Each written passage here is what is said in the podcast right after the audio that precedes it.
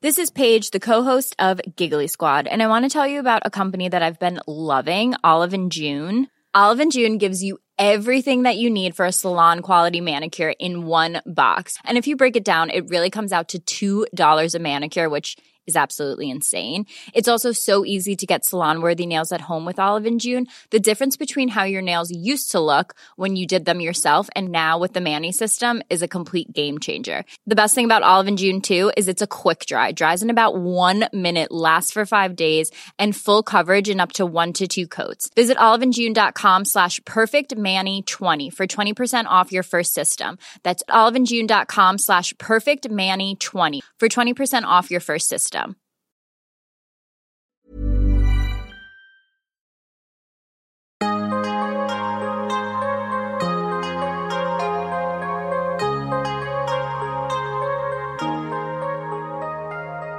Vores mentale sundhed er nedadgående, og det er til trods for, at vi aldrig har været rigere, aldrig har haft flere muligheder og aldrig har levet længere. Det skal vi selvfølgelig tale højt om, for at vi kan blive klogere på, hvordan vi får det bedre. Podcasten her handler om, hvordan vi lykkes med at blive gladest og friest muligt i det ene, ofte ret travle liv, vi har. Og den handler om, hvordan vi kan være både ambitiøse og selvomsorgsfulde på samme tid. Jeg taler med eksperter og privatpersoner om alt det, der fylder inden i os – min erfaring er, at når vi taler højt om de ting, så opdager vi, at der er mange andre, der bøvler med de samme ting. Og jeg tror virkelig på, at vi kan lære af og inspirere hinanden ved at dele vores sårbarheder, erfaringer og viden. Så velkommen til Vores Mentale Sundhed, en Mindcare Collective podcast.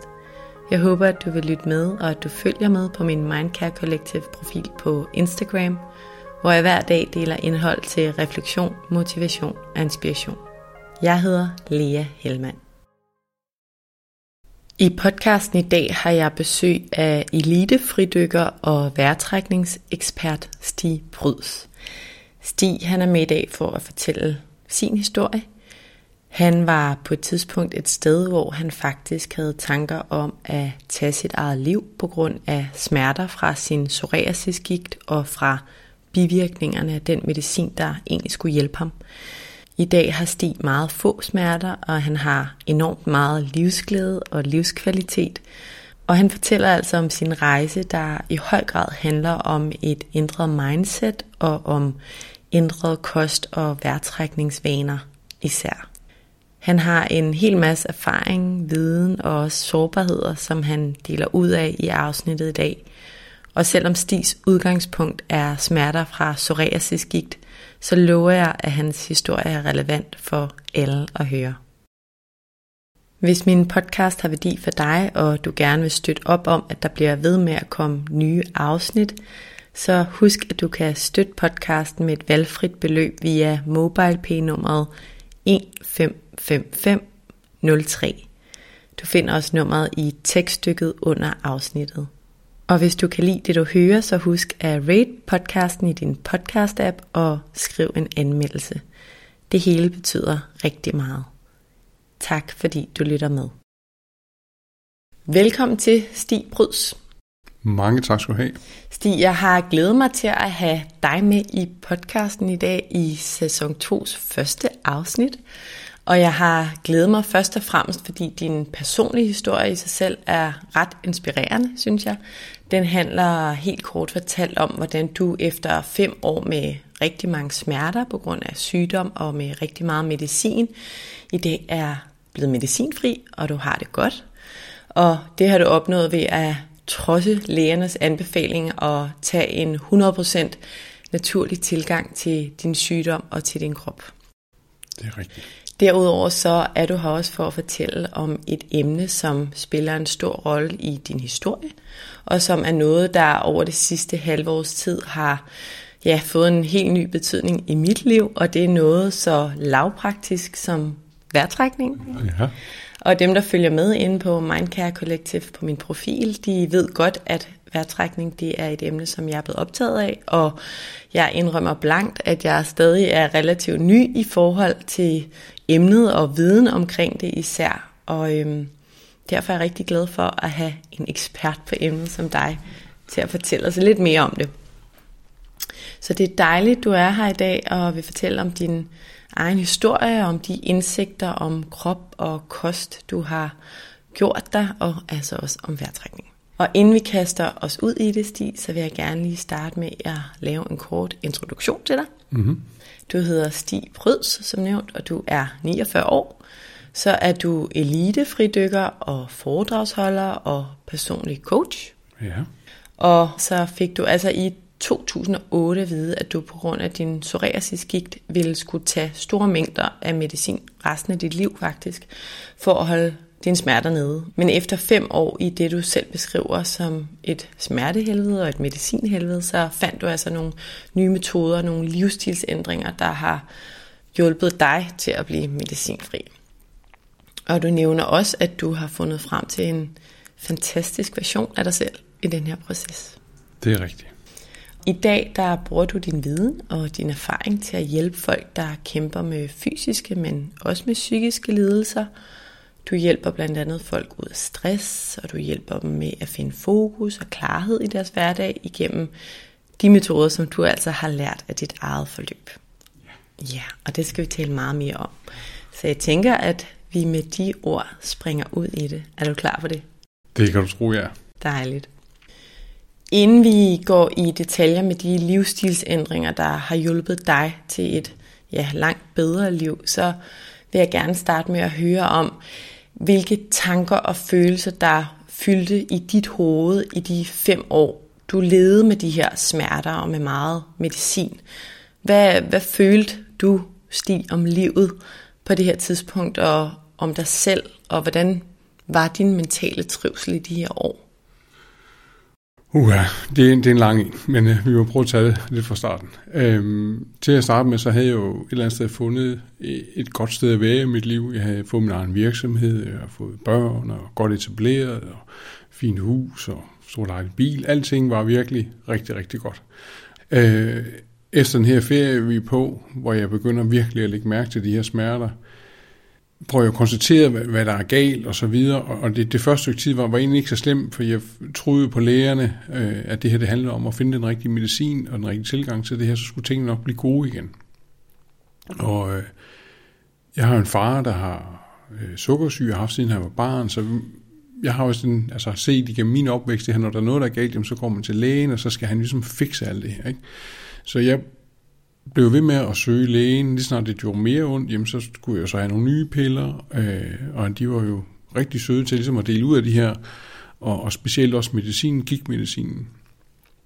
Og, og det blev jo sådan mere og mere og mere af det her medicin. Jeg begyndte også at få flere og flere piller mod bivirkninger af medicinen. Øh, så den første periode var egentlig okay at være i, øh, fordi jeg troede på, at det her skulle nok blive godt igen. Det fik jeg jo videre, de her. Vi skulle bare finde det rigtige. Men der sker lidt det, når man begynder at få rigtig mange smertestillende piller, øh, og de her bivirkninger, der var på, på det her gigtmedicin, som jo er en, noget metotoxat, som er en mild form for kemoterapi. Så den her kvalme og det her ubehag begynder med at fylde mere og mere og mere. Og man ved jo også godt selv, hvis man bare har influenza, man er ikke særlig socialt anlagt på nogen måde. Øh, man ønsker egentlig bare at være sig selv. Men det, influenza plejer at gå over efter 14 dage. Øh, det her, det var bare et hjul, der blev ved med at køre rundt.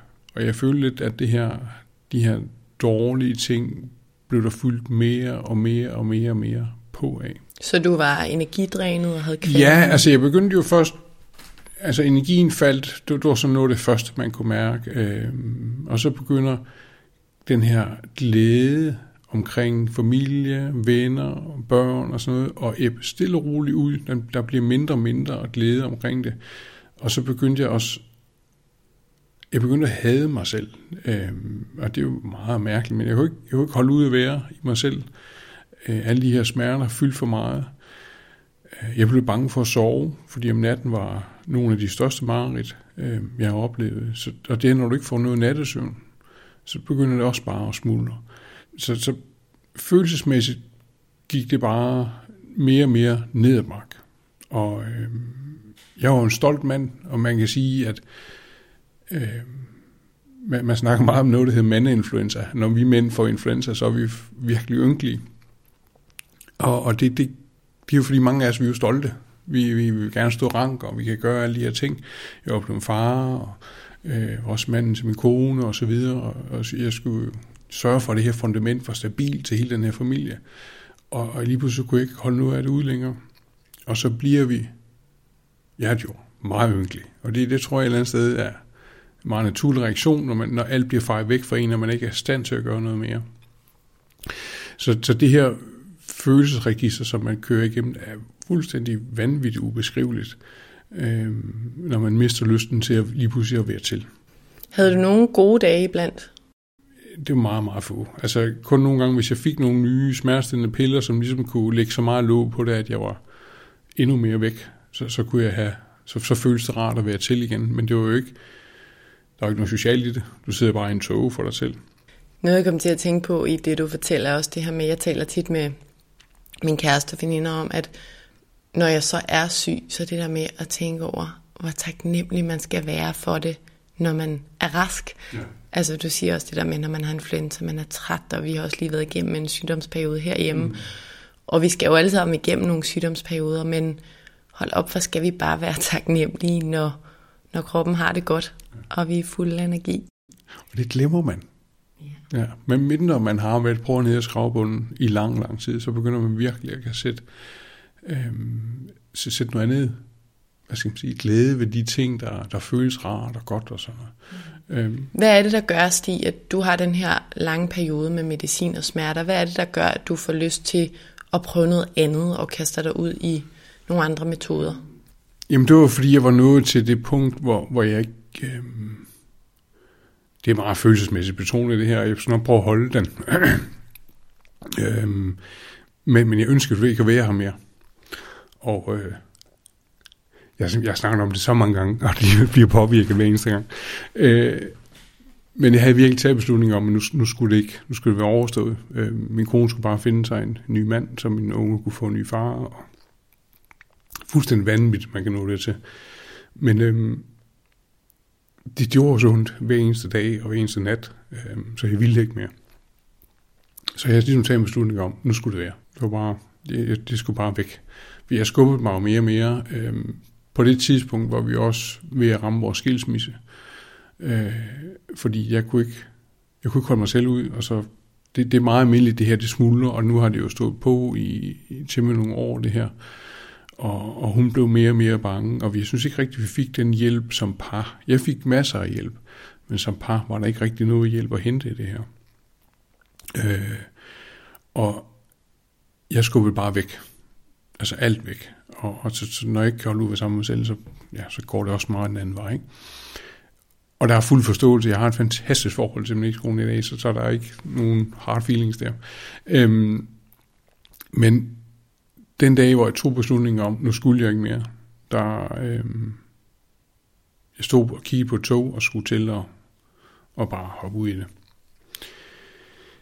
Det her splitsekund, hvor jeg, hvor jeg nu gør jeg det, øhm, der blev jeg simpelthen så let og og fik en følelse af ekstrem velvære. Lige sådan et kort, kort øjeblik, inden jeg egentlig skulle til at tage skridtet. Og, og det, det slog mig lidt ud. Og så gik jeg heldigvis tilbage. Øh, men tænkte, hvordan fanden kan jeg føle sådan en velvære? Øhm. Jeg forstår godt, du er ja. Godt, men sammen lige sammen. Så har en dyb indånding. øhm, hvordan man kan føle den her ekstreme velvære ved at, ved at tage en beslutning ved at, at bare slippe det hele. Og det eller andet sted giver meget god mening, fordi at alle mine bekymringer, øhm, alt det her med, at jeg er god nok, og, og det her med, at jeg har svigtet min familie, eller jeg har jo ikke gjort det jeg sygdom, ligesom har gjort det, øhm, at, at det ikke eksisterende længere. Og, og der kodede noget ind i mig. Altså, hvis den tanke her kan gøre noget, hvad fanden kan jeg egentlig så ikke selv gøre? Kan jeg virkelig manipulere lidt med mig selv? Kan jeg finde noget livsglæde i nogle andre ting? Øhm, prøve at, at se, om jeg kan tænke mine ting lidt anderledes. Var det en tanke, du fik der ja, på perronen? Lige, lige der, hvor jeg valgte et eller andet sted at slippe det hele. Øhm, og så er jeg ved min læge i forhold til blodprøve hver 14. dag, i forhold til det her medicin, man får, fordi man kan få kraft, og man kan få alt muligt andet skidt af det her medicin. Og, og der nikker jeg helt i den her ind ved, ved sygeplejersken, og få taget de hvor og fortælle om, hvad der er sket, og, og hvordan jeg oplevede det her. Og jeg var skide bange, øh, fordi jeg ville helst ikke gøre det igen, men jeg fik en oplevelse af, at der var noget, der var godt, og hvordan jeg ligesom skal håndtere det her. Og øh, der kommer lægen med det samme, og jeg får en lang, lang snak med den læge her, og øh, finder ud af, at jeg skulle, jeg skulle finde noget, der kunne give noget mening. Bare en time, eller 10 minutter om dagen. Et eller andet, som bare var mit, og som kunne give en eller anden form for mening.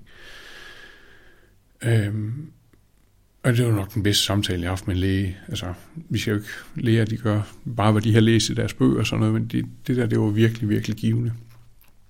Øhm, jeg, får, jeg har en validbil fra kommunen af, hvor jeg hverken kan gå eller stå. Øhm, sådan en med et sæde, der kører ind ud af bilen og så videre.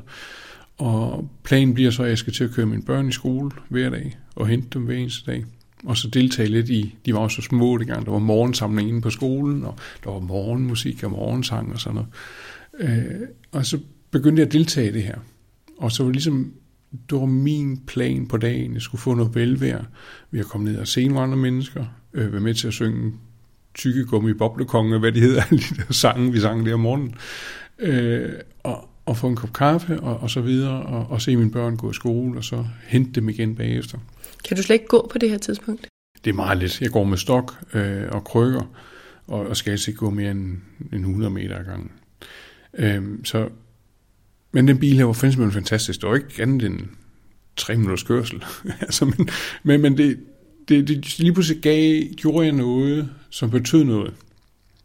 Øh, og samtidig havde jeg nu mere kontakt til mine børn. Øh, Øhm, og, og jeg nød simpelthen de her morgensamlinger med de her børn her. Øh, og jeg gjorde det bare hver eneste dag, og det begyndte at, at give mig mere tro på, at jeg kunne noget mere. Øh, så det var ligesom det første, der sådan rykker lidt på min, min forståelse af, at jeg måske kan gøre nogle ting selv, og bare det med at fylde noget ind, der er positivt. Jeg havde ikke ændret noget som helst andet, end bare og prøve at gøre noget, der kunne give en lille smule mere mening. Og ikke andet så for mine børn, og have noget kontakt til mine børn. Øhm, så, så det var så nok noget af det vildeste og hårdeste, jeg sådan, øhm, har været igennem i forbindelse med det her. Øh, men også en kæmpe, kæmpe gave i dag, fordi jeg er det er jo det princip, jeg kører efter hele tiden. Jeg kan hele tiden gøre en forskel for mig selv. Øh, I dag betegner jeg mig lidt som de der kopper, man kan stille på bordet til børnene. Når du vil, så stiller den så op igen. De kan låse mig ned, alt det de vil, sygdom og så videre. Jeg skal nok stille mig op igen. Uh, det handler bare om at få bruge det rigtige mindset og, og, og ja, gøre det så godt for sig selv som muligt. Så din mentale styrke er jo gået fra at være... Nul. Ja, slå randen til at springe ud fra en tog, til at være Ja. Bumstærkt. Nemlig. Sejt. Ja. Hvad så med alt det her med kosten og vejrtrækning? Hvordan kom det? Jamen, så begyndte de her, om snakkede om, om det her dårlige jul, ellers kører rundt, hvordan man har det skidt, og så bliver man med med at fylde dårlige og dårlige ting på. Her der begyndte jeg at få nogle gode oplevelser øh, med mig selv, øh, og der, der gik, jeg har lige ved gået halvandet, to år, inden jeg begyndte at tænke i baner omkring kost og sådan noget. Øh, der var en, som fortalte mig meget omkring antiinflammatorisk mad. Øh, der var en dame, der hed Alma Nissen, som helt tilbage i 40'erne havde, hun levede bare kogte grøntsager og drak det vand, nej, kogte kartofler, sådan var det. Og bare det vand, det var kogt i, så drak hun og levede af det, og hendes ledgik blev meget, meget nemmere at være i. Og så øh, var det måske noget, der kunne gøre en forskel for mit. Og sådan. Men jeg er opvokset i en slagterfamilie. Jeg kunne slet ikke se mig selv med de her grøntsager. Og det kan ikke passe, at kosten skal have så stor indflydelse på, øh, på, på hvordan vi har det. Jeg er jo indlagt på de her jeg, hvor vi fik mad hver eneste dag, og der spurgte jo ind til, hvad med kosten? Kan det ikke gøre noget forskel? Nej, nej, det gjorde det ikke. Og så, så har du ikke noget med noget at gøre. Um, og det er jo det er nogle gange, der stiller os sådan lidt, jeg ved ikke, om jeg vil kalde det et utfærdigt sted, men vi har jo et fantastisk sundhedsvæsen på mange måder. Men det der med, når man får et svar fra en læge, så er det jo... Jeg kan huske på CBS, der kaldte de det postkontraktuel opportunistisk adfærd. Det der med... Oh, flot ord. Lidt ligesom når du går til tandlægen, ikke? De kan sige whatever, og du stoler på det, for du har ikke den viden. Mm. Og det er jo lidt det samme i den situation, du har været i, og mange andre syge, at man stoler jo af gode grunde på dem. Det skal man også. Men du er et bevis på, at nogle gange kan man gøre noget andet, så det er relevant at overveje. Ja, for der er nogle ting, som de ikke spørger ind til. Øh, for jeg har jo snakket med masser af læge efterfølgende, og så, men hvorfor spørger I ikke om nogle ting omkring kost og træning og alt sådan noget? Det, det må de jo ikke. Altså, de har jo den bog, de har læst i, og det er ligesom det, man kører efter. Øh, men, men det her første gang, jeg hørte om hende, Alma Nissen, der var det, det, nej, også fordi jeg havde hørt de der andre ting der. Øh, men på de her gigsen, tror jeg, jeg var indlagt på, der var der varmvandsbassin, hvor jeg lavede vandgymnastik med alle de her fantastiske damer, der var indlagt på det her sådan tror jeg. Øh, væsentligt ældre end mig. Øh, men, men der mærkede jeg jo noget glæde og noget rart ved at være i vandet. Øh, og igen, så begyndte det også at fylde det gode hjul. Okay, jeg kunne komme i vandet, jeg kunne være vægtløs og lave noget gymnastik, eller bare være et varmt vandsbassin og komme i sauna bagefter. Det, var, det føltes super, super dejligt. Jeg synes, det var nemmere at gå bagefter og sådan noget. Så det var, det var, sådan, det var rart at være i det her. Øhm, og der er ligesom, når man er færdig indlagt på sådan en sanatorium, det er sammen der fire uger gang, og så kommer man hjem. Men når du bliver holdt i hånden, så kan man jo hele jo. Så kommer man hjem, og så skal det hele bare, skal man gøre det her selv, ikke? Og øh, jeg kunne simpelthen ikke finde den samme ro i vandet, og øh, bassinet var ikke det samme, og der var ikke den samme varme, og så, øh, så var det ikke så fedt alligevel, og sådan, ikke? Øhm, men, men jeg begynder at ro, alligevel at rode med det, og jeg brugte meget over, vandet var for koldt. Og så er der så en, en gut, der siger, at kunne få en våddragt på, og så måske lave vandgymnastik i, i de her bassin, uden at blive kolde, så jeg stadigvæk kunne være vægtløs. Og øhm, jeg siger, god idé, hvorfor ikke bare prøve det her? Jeg får mig en våddragt, øh, og det skal så sige, at jeg bruger jo hjælpemidler til at sætte strømper på med, et knap stjorter med, og alle sådan nogle ting, og hvis man ved, hvordan det er at våddragt på, så er det ikke nemt. Øh, men den har jeg jo ikke lige tænkt den tanke der. Men jeg lykkedes mig at få den her dragt på og komme i vandet og, og, og lave det her gymnastik, og finder faktisk noget godt glæde ved det her. Øh, og, og bruger det på daglig basis, øh, og så får det ført noget flere gode ting ind på julen i min hverdag. Men det er også en mand, der gerne vil noget mere, og jeg synes, det er svært at sammenligne mig med masse ældre damer, der laver vandgymnastik og sådan der. Øhm, og ham, jeg købte våddragten af, han vil gerne sælge mig udstyr til undervandsjagt. Om det ikke kunne være noget, jeg kunne gøre i. Øh, men der er vandet alt for koldt, og så det, det kommer aldrig til at ske. Men jeg kunne ikke andet levere med at undersøge det på nettet, og hvad jeg nu kunne finde omkring alt det her. Og så falder jeg over nogen, der fridykker i en svømmehal. Øh, og jeg går til svømning, og jeg barn, og tænkte, videre, om det, om det var noget, jeg kunne gøre i. Og så begyndte jeg så lige at prøve, til jeg kunne dykke en bane, og kunne dykke to baner. Og, og så havde jeg ekstrem velvære, når jeg kom op i det vand, og ligesom havde presset mig på mit vejrhold. Ikke andet, så jeg dykkede måske i de her, jeg holdt ved de 30-40 sekunder eller sådan noget, men det, det føles bare rart at være i mig selv, øh, på en eller anden måde, når jeg trak vejret igen. Og det giver jo det meget god mening, at man presser sig selv så hårdt, at man har, kroppen føler, at den er ved at lukke ned, og så får man lov at trække vejret igen. Det er jo altid en gave et eller andet sted. Øh, men, men den fornemmelse var simpelthen så dejlig, øh, så jeg sådan begyndte at søge mere og mere og mere. Øhm, og jeg blev også bedre og bedre til at gå holdvejret. Og, og så begyndte jeg så at prøve at kigge ind i det her fridykning, hvad, om det var noget, jeg skulle måske prøve at gå til, eller sådan jeg igen får fyldt nogle gode ting ind på julet. Øh, men det var, ikke, det var ikke så nemt og sådan. Men jeg fortæller til mine børn omkring, hvad jeg nu laver, ikke? At nu udsvømmehandler, jeg holder ved her, og er meget, meget stolt. Øh, endelig kunne formidle et eller andet, at fortælle dem, at lave noget, at det ikke bare handlede om, hvad der skete i morgen Danmark og sådan.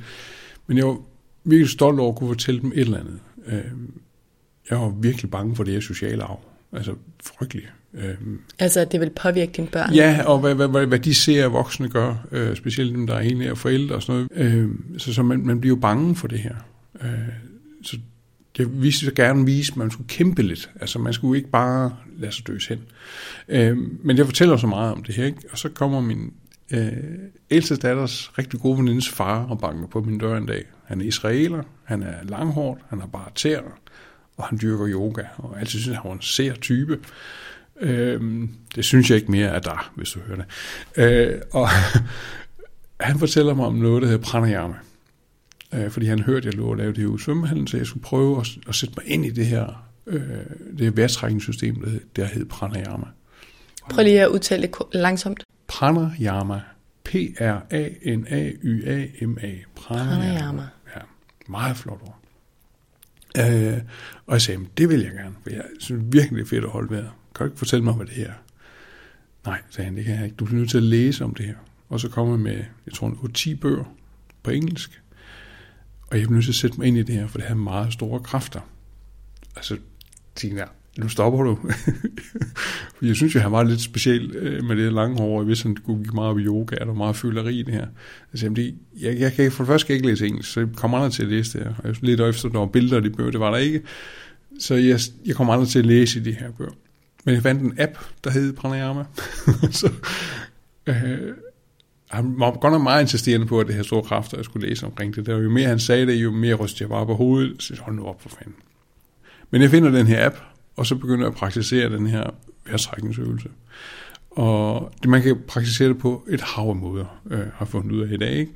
Men den her, den var bare styre sådan, det var en indånding, man fylder lungerne op, så holder man vejret dobbelt så lang tid, så man indåndet, så puster du ud, og dobbelt så lang tid, og så holder du vejret igen, på den samme tid, som du egentlig indåndede på, og så kører den bare forfra øh, bare gentagende gange, og så styrer det nogle lyde og så videre. Øh, den, den har jeg lavet på min hjemmeside, for jeg synes, der var nogle ting, jeg gerne ville have lidt anderledes. Så på min hjemmeside ligger det også, det ligger under meditationer. Og, og ja, det var simpelthen så dejligt. Den første oplevelse, jeg havde omkring det her åndedræt, hvor jeg bare lå og, og fyldte det her, de var, det var sagens. Altså det, det kan et eller andet, det her.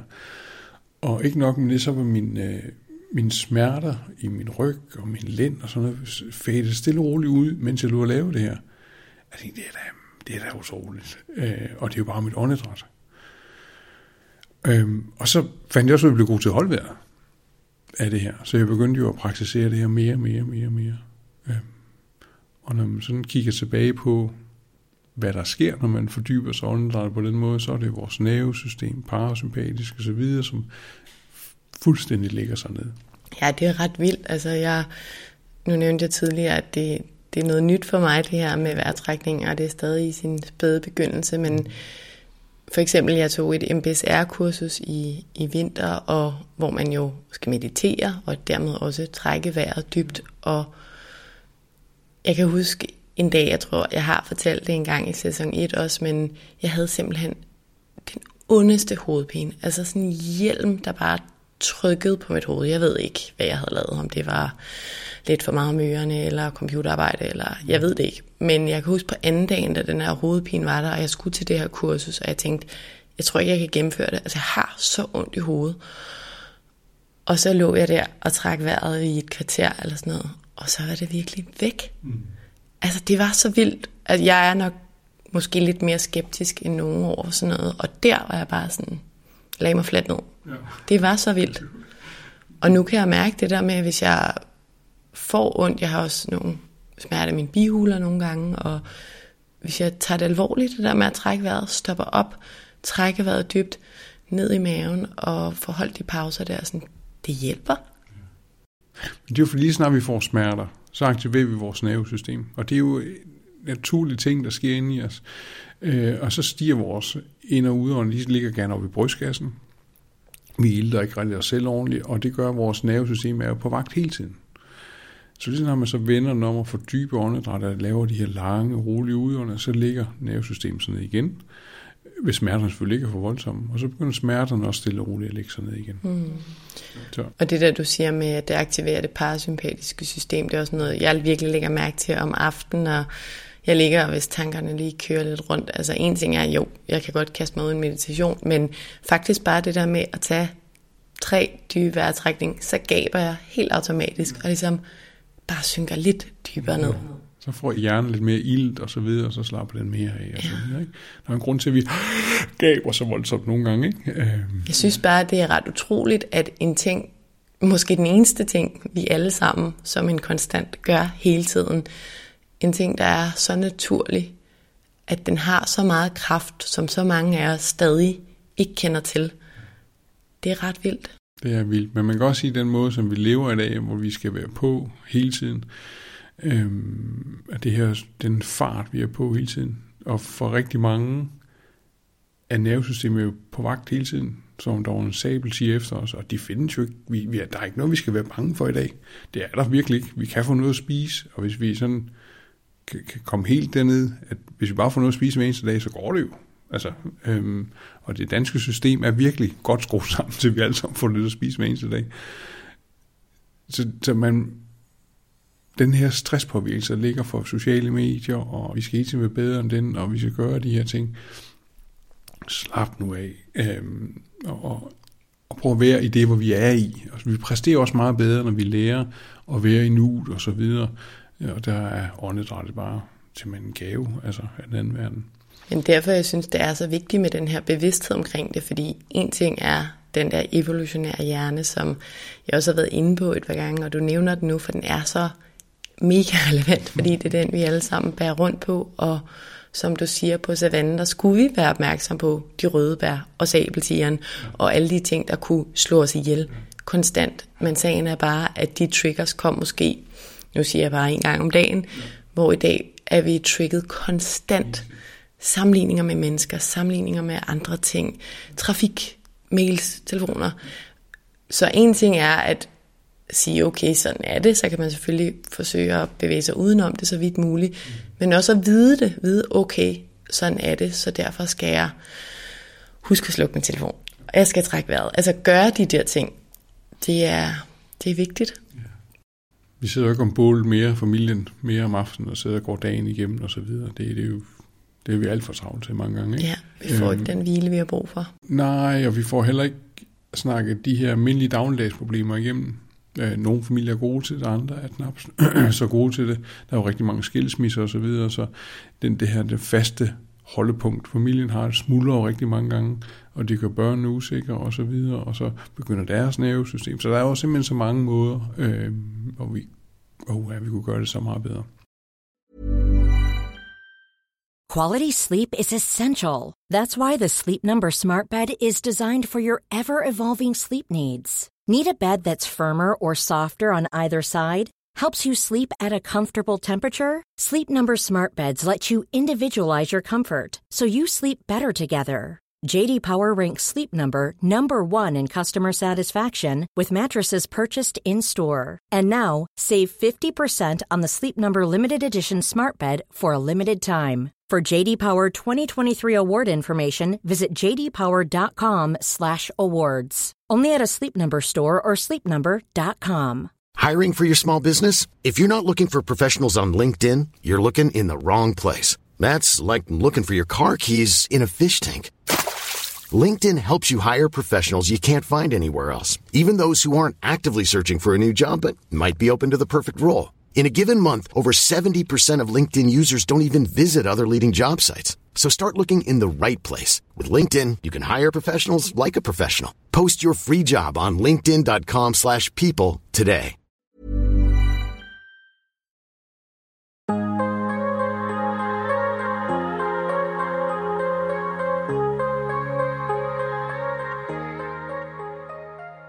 Kan du ikke fortælle, sig, nu har du været lidt inde på det her med, at du begynder at trække vejret, eller holde vejret og trække vejret på en anden måde, og du dykker, og du nævnte lidt med din kost. Kan du ikke lige sådan opsummere de ting, der ligesom får dig ud af den her medicin og smerterne, hvis du har sådan et par blokke? Det er jo pranayamaen. Altså de her øvelser, jeg begyndte at ligge og praktisere hver eneste dag. Jeg fandt ud af, at ved at ligge i det varme badekar, min iPad inden for andet badekar, og så bare ligge og lave de øvelser her, så fik jeg mere og mere kontakt til mig selv. Man mærker lige pludselig sig selv på en anden måde. Øhm, og jeg havde hørt om hende, almanissen, men synes jo, det var hul i hovedet. Og efter to-tre måneder med det her pranayama intensivt på daglig basis, tog en beslutning i det badekar. Nu er det nu. Nu skal det være. Jeg vil gøre et forsøg med de her grøntsager. Og det kan jo ikke, og det her med at jeg kan finde mig 100% smertefri ved at ligge i det badekar, jamen, så kunne jeg ligge mit badekar op i stuen. Det er mig, der bor. Jeg bor alene, så jeg kan egentlig gøre, hvad pokker jeg vil. Øhm, så hvis jeg her skal ligge, være smertefri, så det jeg gør. Og det andet, det er grøntsager. Det kan ikke være så farligt. Øhm, og så bare køre på med det her. Og jeg går selvfølgelig til min læge og siger, at jeg vil gerne gøre sådan her. Jeg vil gerne lægge min medicin. Og øh, så vil jeg gerne prøve at forsøge med de her grøntsager, min meditation osv. og de ryster på hovedet. Det er jo ikke rigtig klogt. Altså, enten så hjælper I mig med at komme ud af det her medicin, eller så finder ud af det her selv. Altså, man siger, men, altså gigmedicin kan du bare lade at tage, så begynder du at få endnu flere smerter. Men det her sedon, ren morfin og gabapentin, det er du dybt afhængig af. Hvis du vil med at tage det, så får du det rigtig, rigtig dårligt. Øh, men jeg har set en film, hvor der er en to en kold tyrker, så det kan jo ikke være så svært. Det er så ikke det samme med film og virkelighed. øh, og jeg forstår ikke næsten helt, hvor jeg fik kræfterne fra til at gøre det, men øh, jeg gjorde det. Jeg lagde al min medicin, begyndte at køre grøntsagsjuicer og køre pranayama hele tiden. Øh, grunden til, at jeg valgte grøntsagsjuicer var egentlig, fordi jeg synes, jeg fandt ud af, at det ikke var kartofler nødvendigvis. Det skulle være, det skulle, kål var faktisk endnu bedre. Kål og bønner og så videre. Men jeg kunne simpelthen ikke fordrage det. Det smagte forfærdeligt. Øh, og så begyndte vi bare at juice i stedet for, så var det nemmere at få ind. Og så lagde jeg medicin, pranayama på hele tiden, og så masser af de her juice. Og når man sådan kigger ind i det forhold til afgiftning og sådan noget, så er det jo en super god vej at gå. Der er mange, der praktiserer det her, jeg vidste det bare ikke. Så det er en form for antiinflammatorisk kost? Det er det. Altså kun grøntsager, lidt kylling og lidt fisk og intet andet. Øhm, efter, hvad går der, tre uger uden søvn, uden, altså hvor kroppen bare går mok. Det eneste, jeg kunne finde ro, det var i det her varme badekar, ikke at lave de her øvelser. Og jeg fik virkelig ikke sovet. Altså det, det var, min krop skreg, og alt gjorde simpelthen ondt. Man fandt ro i badekar. Det var den her kolde tyrker? Ja, den kolde tyrker, ikke? Og, og så bare fortsætte med grøntsagerne. Og efter de her tre uger til en måned, så begynder jeg at mærke, at den gik på en anden måde. Der sker en ændring i min smertetilstand, øh, og hvor vigtigt det er, at jeg hele tiden holder og laver de her øvelser her. Øh, men det føles rart. Efter tre måneder, så begynder lægerne at kan se min inflammation falde på mine blodprøver. Og øh, jeg fortæller dem så, hvordan jeg har gjort det, og så videre. Øhm, og jeg synes, jeg mærker det bedre. Det skulle så lige sige, at alle bivirkninger er lige pludselig væk. Jeg lever ikke med bivirkninger længere. Og når man praktiserer åndedrætsøvelser på det plan, jeg gjorde, som jeg gør stadigvæk i dag, så er det jo langt, langt bedre, end hvad smertestillende piller gør. Vi har jo stadigvæk smerterne. De bliver, det er nogle signaler fra kroppen af, som går op igennem vores ryggrad op til hjernen, og kroppen, hjernen får at vide, at det her det går ondt. Når du så får smertestillende, så bliver det signalstof bare dæmpet en smule. Og det er jo egentlig det, der sker. Øh, det samme gør åndedrættet. Meget mere, meget mere koncentreret men uden bivirkninger. Så, så jeg udskiller ligesom åndedrættet med alle de her smertestillende piller, og slap for bivirkninger. Og så derfor velværen blev langt, langt større. Øh, jeg kunne også se verden lidt større, fordi jeg ikke var i den her lukkede kapsel længere. Men fandt også ud af, hvor vigtigt det var at passe det. Altså det var ikke, jeg skulle ikke fuck med det her på nogen måde. Øh, det var vigtigt at komme i vandet, lave min træning. Det var vigtigt, at jeg passede den her kost, og vigtigt at passe min åndedrætsøvelser. Og så har jeg jo lært på gigcentret, hvordan jeg skulle træne meget, meget skånsomt i fastlåste maskiner i motionscenteret. Ikke noget med løse håndvægt rundt omkring og kettlebells og sådan noget, men låste maskiner, hvor du kunne sidde fokuseret og have fuldstændig muskelkontakt til øvelserne. Jeg begyndte at praktisere det, og kunne mærke, at det var super dejligt. Der var ingen kilo på, men det var bare det var vanvittigt godt. Og det har jeg, jeg har ikke lavet andet siden, faktisk. Hvor mange år er det her siden? Jamen, det var i 13, hvor hvordan det virkelig gik op for mig. Øhm, og gør du alle de samme ting i dag? Grøntsager og åndedræt og fridykning? Ja, alt. Og, og masser af træning. Og nu er jeg begyndt at praktisere noget med vinterbadning. Jeg ved ikke, om vi skal kalde det vinterbadning. Jeg har faktisk været i gang en halvanden måned. Jamen, vinterbadning her i sommeren. Jeg skulle faktisk til at spørge, for lige inden sommeren, der havde jeg et øh, afsnit med omkring Wim Hof-metoden. Og hvad er din holdning til det her? Men nu nævner du meget varmt vand. Hvad er koldt vand? Øh, jamen det er jo, ligesom der er yoga, så er der jo et hav af former for at dyrke yoga på, og der er i dag en masse måder at dyrke åndedrættet på. Wim Hof er rigtig, rigtig fint for dem, der godt kan lide det. Øh, jeg kan ikke lide det. Det er alt for meget hyperventilering, og man mister kontakten til sig selv. Øh, og man behøver ikke for at gå i koldt vand. Altså det, det, det, det, det synes jeg ikke er nødvendigt. Og så har jeg haft en del klienter, som har brugt hans metoder, øh, som bliver mere stresset af det hvor de finder mere ro i det, jeg laver. Men vi er meget forskellige alle sammen, så finder man glæde og ro i hans metoder, så er det det, man skal gøre. Der er jo altså alle mulige andre metoder. Øh, og det handler om at finde noget, der er rigtig godt for en, som kan skabe noget velvære. Ja, og det tror jeg er en rigtig vigtig pointe, det her med, som du siger, vi er forskellige. Helt og, vidt forskellige alle sammen. Og hele formålet med, med podcasten her, Mindcare Collective generelt, er også at, nu nævnte jeg det før det, inden vi startede mikrofonen, men at, at lave den her buffet, der på en eller anden måde er let at tage fra, og som man kan prøve af, hvis man har mod på det og det. Nu handler det om Wim Hof eller varmt vand, og der er noget, der virker til nogen. Det, det, det er der, og det, det er øh, mine principper, det som jeg har bygget op, de programmer, som jeg har lavet igennem de sidste 10 år, som ligger på min hjemmeside, det er sådan, det, det er faste metoder, uanset hvilket fokus vi ligger, om vi ligger det på smerter, eller vi ligger for bedre lungevolumen, eller øh, at der altid er nogle stræk, og der er nogle pauser mellem vores ind- og udåndinger. Værhold kan vi også kalde men for nogen er det bare, ah, jeg skal godt være. Så vi laver bare nogle pauser mellem ind- og udåndinger. Og så slutter vi altid af med, med den her pranayama meditation. Og du mister kontakt til arme og ben. Sådan har man det, når man er færdig med de øvelser. Du kan ikke mærke, hvor dine arme og ben ligger henne. Og det er simpelthen så dejligt, når det går ondt i dem. Noget du nævner der, som jeg også tænkte lidt over tidligere, da du talte, var, du hjælper jo folk både af med stress og fysiske og psykiske smerter eller udfordringer. Hjælper de her metoder nu med kosten, vejrtrækningen, hjælper det, altså nu har du psoriasisgigt, mm. men hjælper det på alt, eller? Ja, man kan sige, hvis du er inde i en eller anden form for krise, og du har ramt bunden på en eller anden måde, om det er et dårligt ægteskab, nogle dårlige forældre, øh, virksomhed, hvad som helst. Det her med, når vi kommer ned, øh, hvor tingene bliver svære, det er, ikke hold, det er ikke til at holde ud at være her. Og man kan ikke se så ud sine problemer. Det er jo ligegyldigt, hvilket niveau vi ligger på et eller andet sted. For nogen kan et dårligt ægteskab fylde lige så meget, som det, jeg har været igennem. Så, så vi, igen, vi er meget, meget forskellige.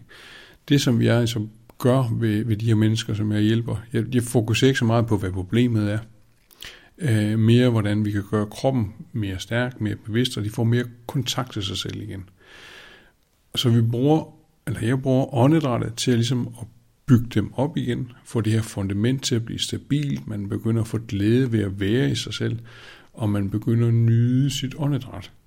Man begynder at nyde, at solen skinner, man, begynder, man får øje på verden på en anden måde, fordi man mærker sig selv meget positivt, selvom eller andet man føler, at verden falder omkring en.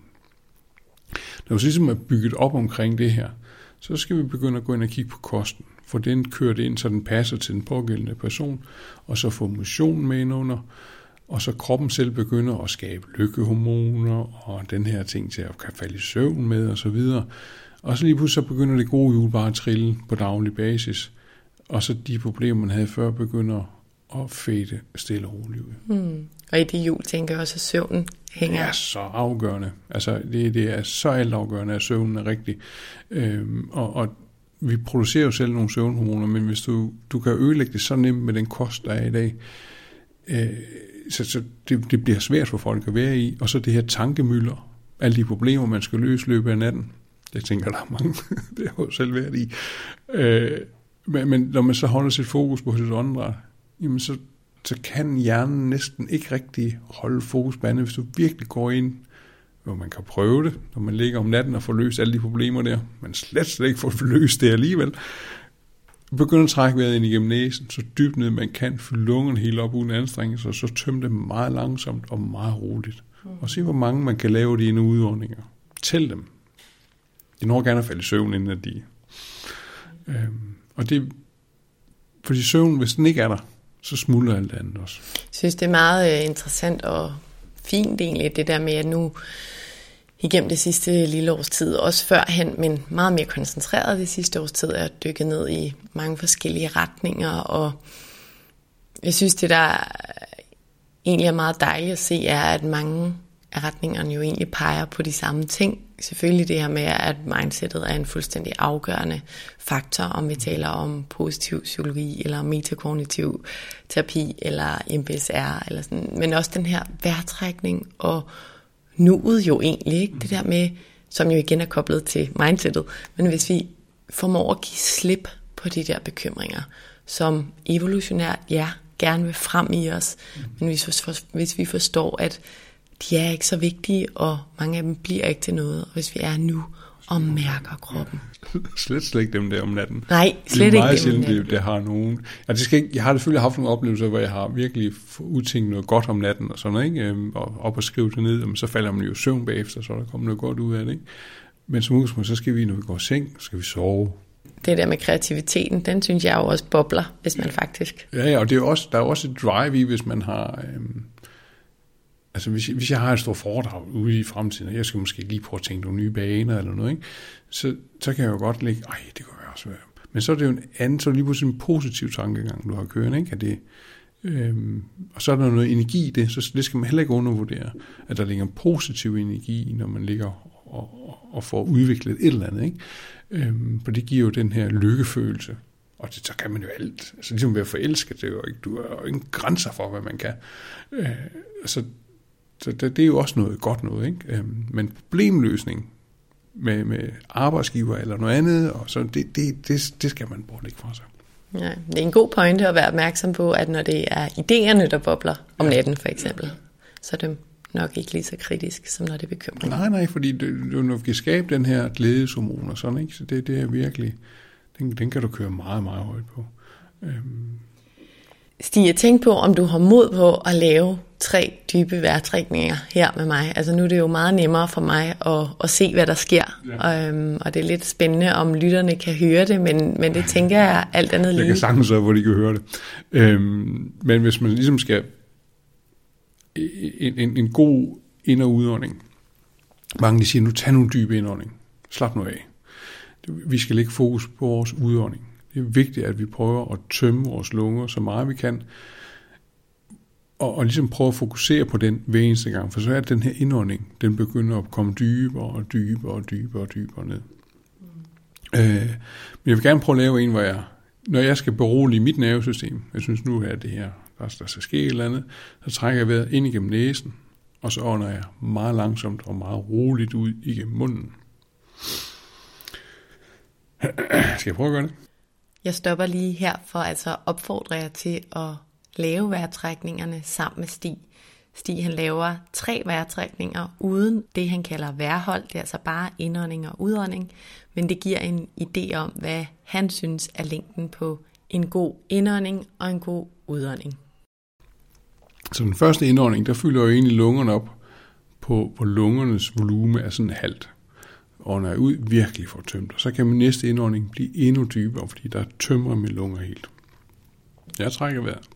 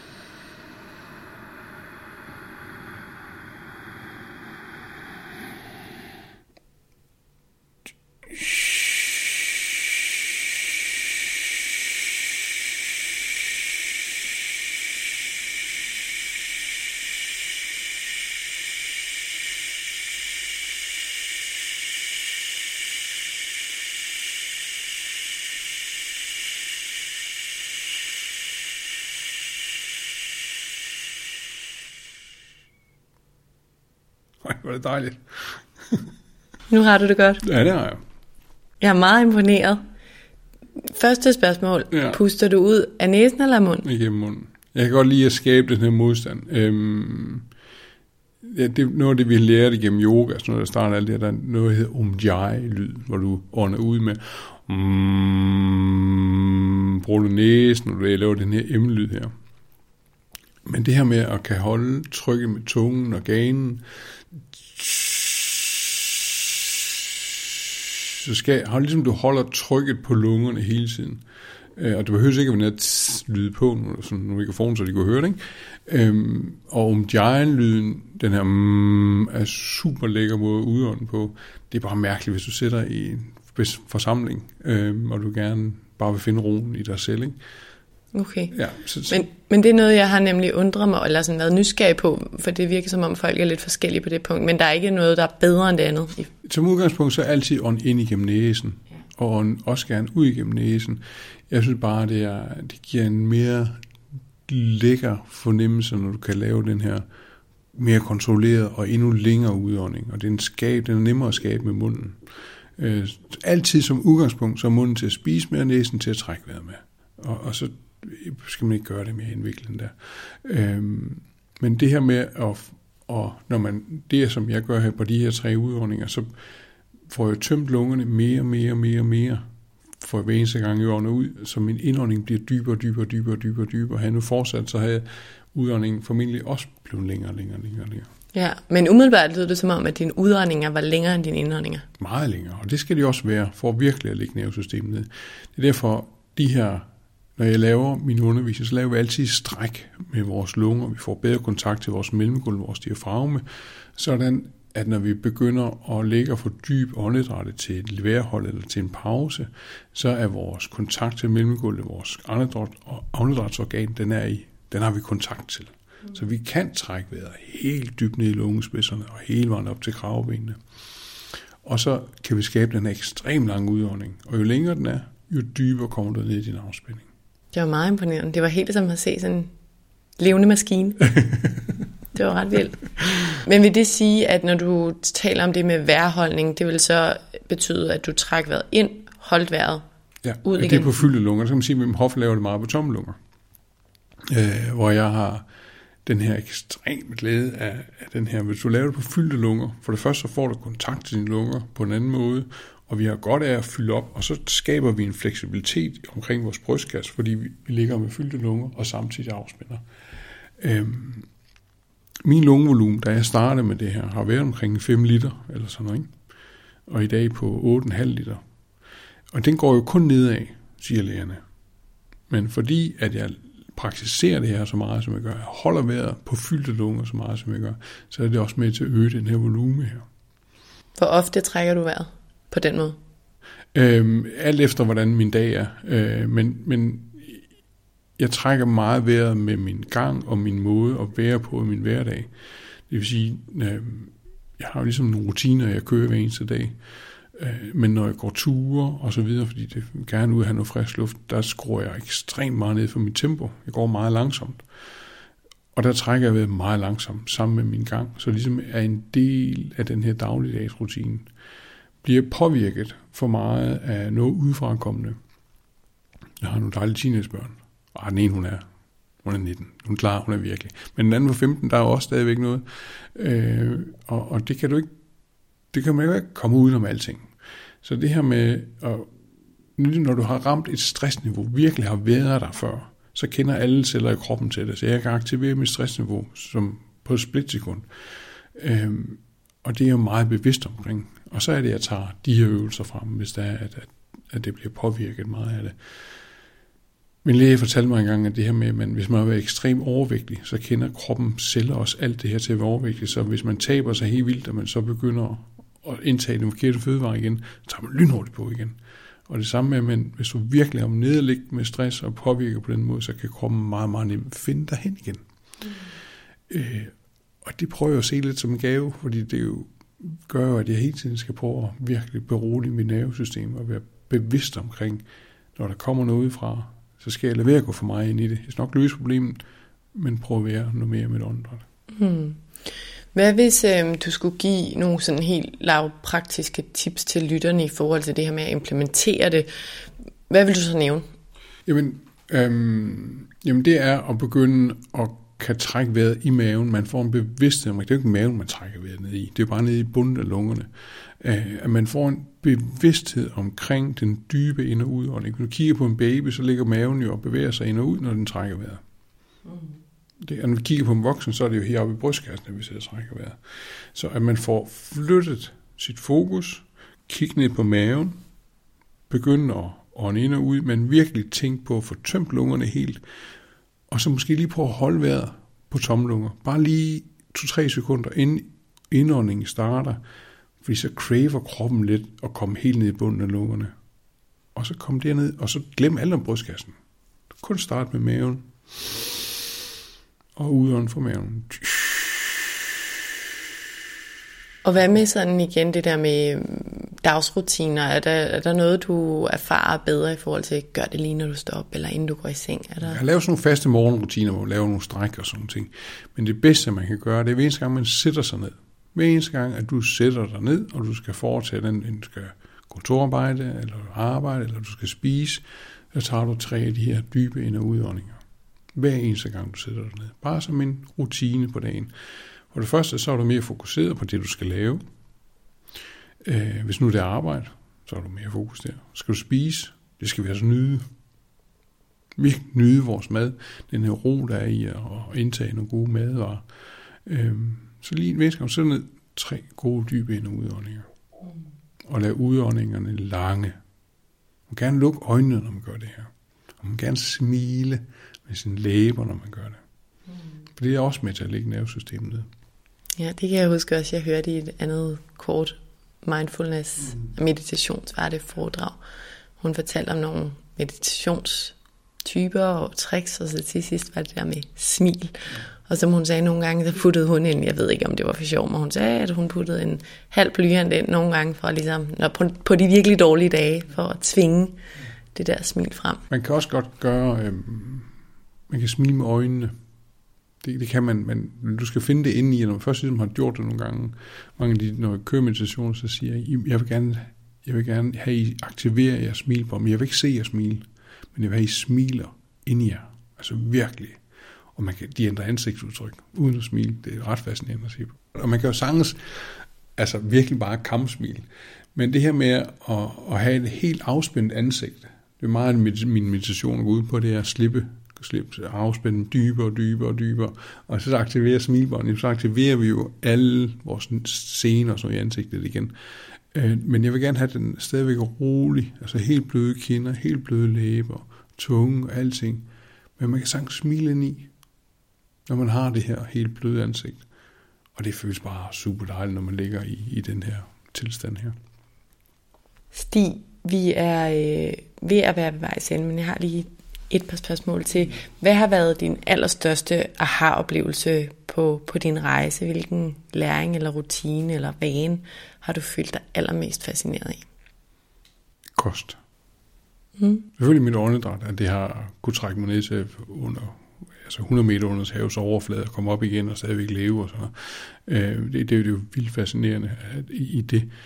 Men hvor stor en betydning rene råvarer har på en syg krop, det er helt vildt. Øh, også meget, meget skræmmende, at min læge aldrig har sagt noget omkring det her. Mm. Og jeg som skorstensvejer skal finde ud af, hvor, hvor, hvor vigtigt det er. Øhm, og når jeg så ser på, hvordan andre blomster, når de når jeg ændrer deres kost, det er jo sindssygt hårdt. Altså, der er jo, det, det gør jo næsten, det gør så ondt at lave den her, altså at skifte spor, og så begynde at spise nogle andre ting. Øhm, kroppen higer jo efter alle de her andre ting, man plejer at få. Og så lukker vi ned for det, og så efter en måned, så er der bare velvære. Fordi man ikke får sukker, ikke nummer, alle de her dårlige ting. Og så selvfølgelig sammensætte maden rigtigt. Men det er så sagt nemlig for, at jeg fik øjnene op for det her. Spiser du ikke noget øh, sukker, der selvfølgelig ikke kommer fra frugt og alt sådan ting? Nej. Ingen kage? Ingen kage. Jeg elsker kage. Jo, nu skal jeg lige sige, øh, den måde jeg gør det på i dag, øh, der bryder af min vane med 14. dag.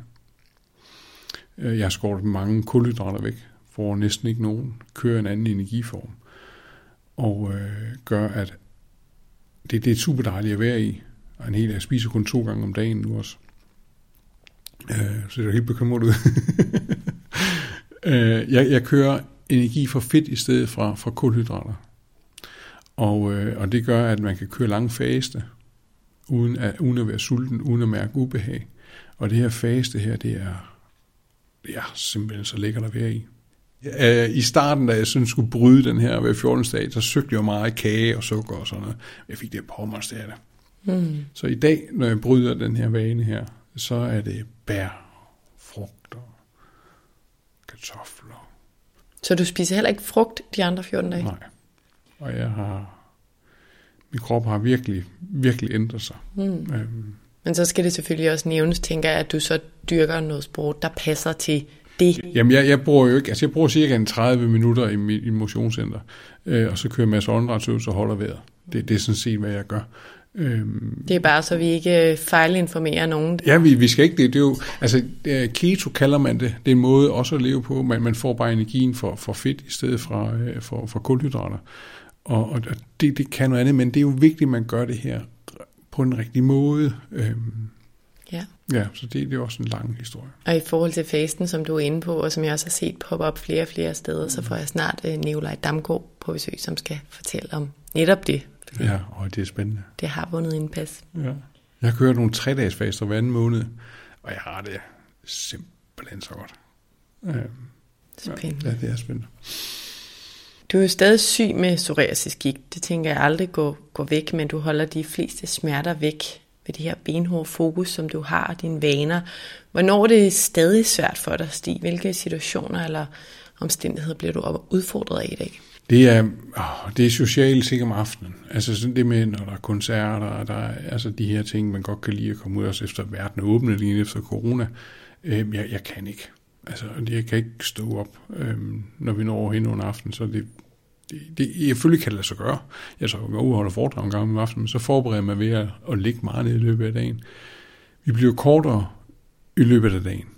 Og de her knogleudspring, der sidder ved min rygsøjle, gør bare, at der ikke er plads til mit nervesystem og min blodkar osv. Så, videre. så det, jeg får sådan symptomer af, af hvad hedder det, discoprolaps ude i arme og ben, den her tronen her, og bare mange smerter i ryggen.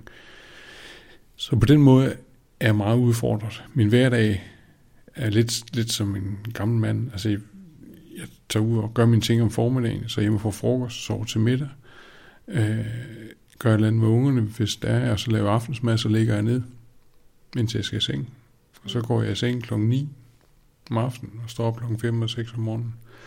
Og sådan kører min daglige rutine, og så er det det, jeg har det bedst. Men jeg er jo ikke særlig... kommer ikke så meget ud, men, men jeg har en, en helt, helt anden livskvalitet.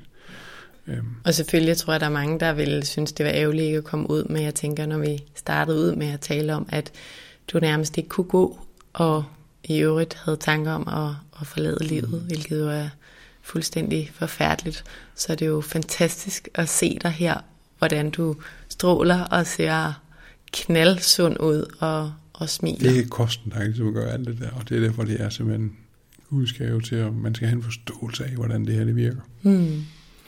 Ja, og i, i den forbindelse så ja, er vi nu nået til det aller sidste spørgsmål, som jeg gerne vil slutte af med, som er, hvis du skal nævne tre ting eller tre reminders, som du gerne vil give til eller gentage for lytterne i forhold til din historie og erfaring, hvad vil du så nævne? Og jeg tænker, at det ikke nødvendigvis behøver at handle om vejrtrækning. Det må det selvfølgelig gerne, men sådan helt overordnet i forhold til din historie, men også podcastens hovedemne, som jo er det her med, hvordan vi lever et liv med så meget frihed og glæde som muligt. Hvad vil du nævne? Vær tilfreds med det, du har lige nu og her. Og lad være med at tænke på, at du behøver at opnå mere. Du vil gerne lære mere, det gør ikke noget, men du behøver ikke mere her i livet. At tingene er, som de er, det er, lige, det er helt perfekt, som det skal være. Det har hjulpet mig til at være meget mere rolig i min tilgang til alt andet, hvad der foregår. Og jeg ved, at ved at være helt tilfreds med alt det, der er nu, så vil jeg også, øhm, når jeg bliver gammel, gå til at tænke tilbage, at, at tingene har været, har været fine. Og når man også stiller sig tilfreds med ting, som det er nu, så famler man ikke en, vi behøver ikke mere. Vi behøver ikke ud og opnå mere. Vi behøver ikke at tjene penge nok til en ny næste stor bil, eller end bare være tilfreds med alt, hvad der er lige nu og her, og ikke behøves andet. Men tingene kommer altså alligevel. Altså udfordringerne, eller hvad? Ja, udfordringen, men også alt det, der gode der er i livet. De kommer, når du stiller dig tilfreds med, behøver ikke at jage noget mere. Øhm, jo mere du jager et eller andet, jo, jo mindre får man det nok. øh, hvis man, alle kender det. Man jager en eller anden forhold, kærlighed eller noget. Mere man jager det, jo mere bliver man skubbet væk. Og hvis man så lader det være, så kommer det jo gerne alligevel. Ikke? Og sådan er det med det hele livet. I hvert fald min erfaring. Hvis jeg stiller mig tilfreds med alt, så kommer der mange flere gode ting til mig. Helt af sig selv. Og smil. Ja. Mm.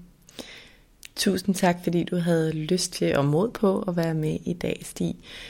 Det primære formål med, med den her podcast, det er jo, som jeg nævnte, den her dejlige buffet om forhåbentlig relevant viden og erfaring og sårbarheder, relateret til, at vi forhåbentlig kan få mest muligt ud af vores lille, store liv.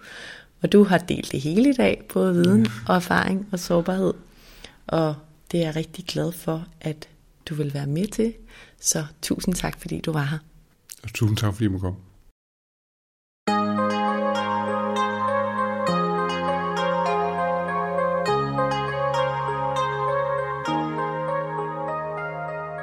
Jeg synes, at Stis historie den er ret vild. Som jeg også fik nævnt i afsnittet, så skal det selvfølgelig understreges, at vores læger, sygeplejersker og sundhedsvæsen i Danmark kan rigtig meget.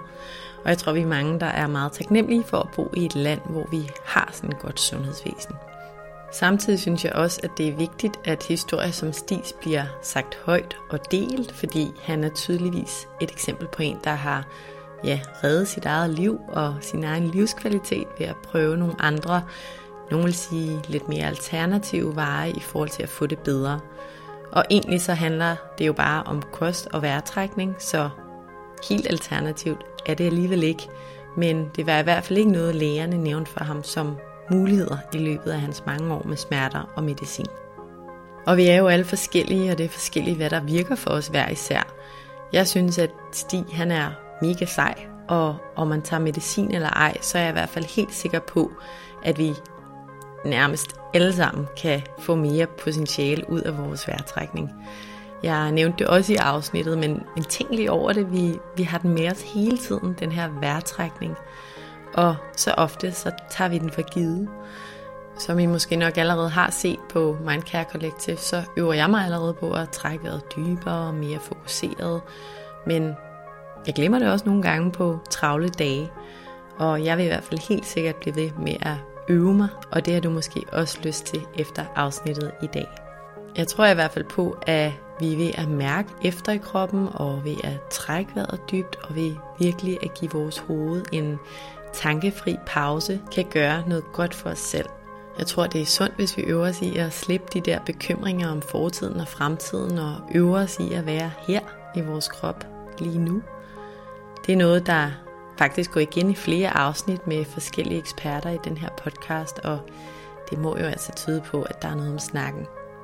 Jeg tror i hvert fald på, at det er enormt vigtigt for det fortravlede moderne menneske, som jeg i øvrigt også selv er.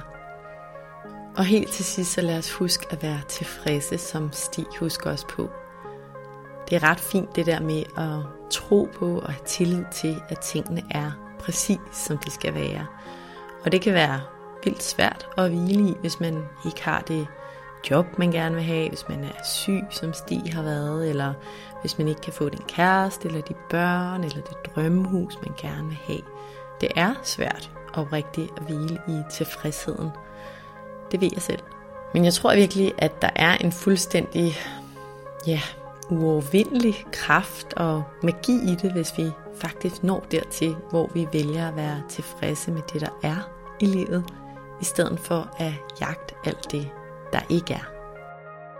På næste tirsdag kommer det næste afsnit i rækken, og det er med Carla Mikkelborg, som fortæller om, hvordan traumer fra barndommen har fulgt hende ind i voksenlivet. Hun fortæller om, hvordan hun har, eller i hvert fald arbejder med at vinde frygt til kærlighed.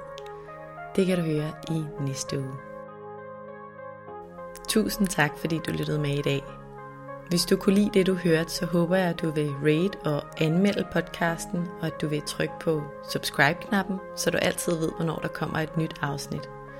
Det betyder helt enormt meget. Du er som nævnt selvfølgelig også meget velkommen til at støtte podcasten her med et valgfrit beløb, hvis du kan lide, hvad du hører, og gerne vil have, at der bliver ved med at komme nye afsnit. Det kan du gøre via MobilePay-nummeret 155503, som du også finder i tekststykket under afsnittet i din podcast-app. Som det aller sidste vil jeg også opfordre dig til at skrive til mig, hvis du har noget på hjerte, eller hvis der er nogle særlige emner, du rigtig gerne vil høre om i relation til mental sundhed og i forhold til, hvordan vi bliver friest, sundest og gladest muligt i det liv, vi har. Skriv til mig via min Instagram-profil Mindcare Collective, hvor jeg i øvrigt håber, at du følger med, eller skriv til mig via min hjemmeside mindcarecollective.com. Tak fordi du lyttede med.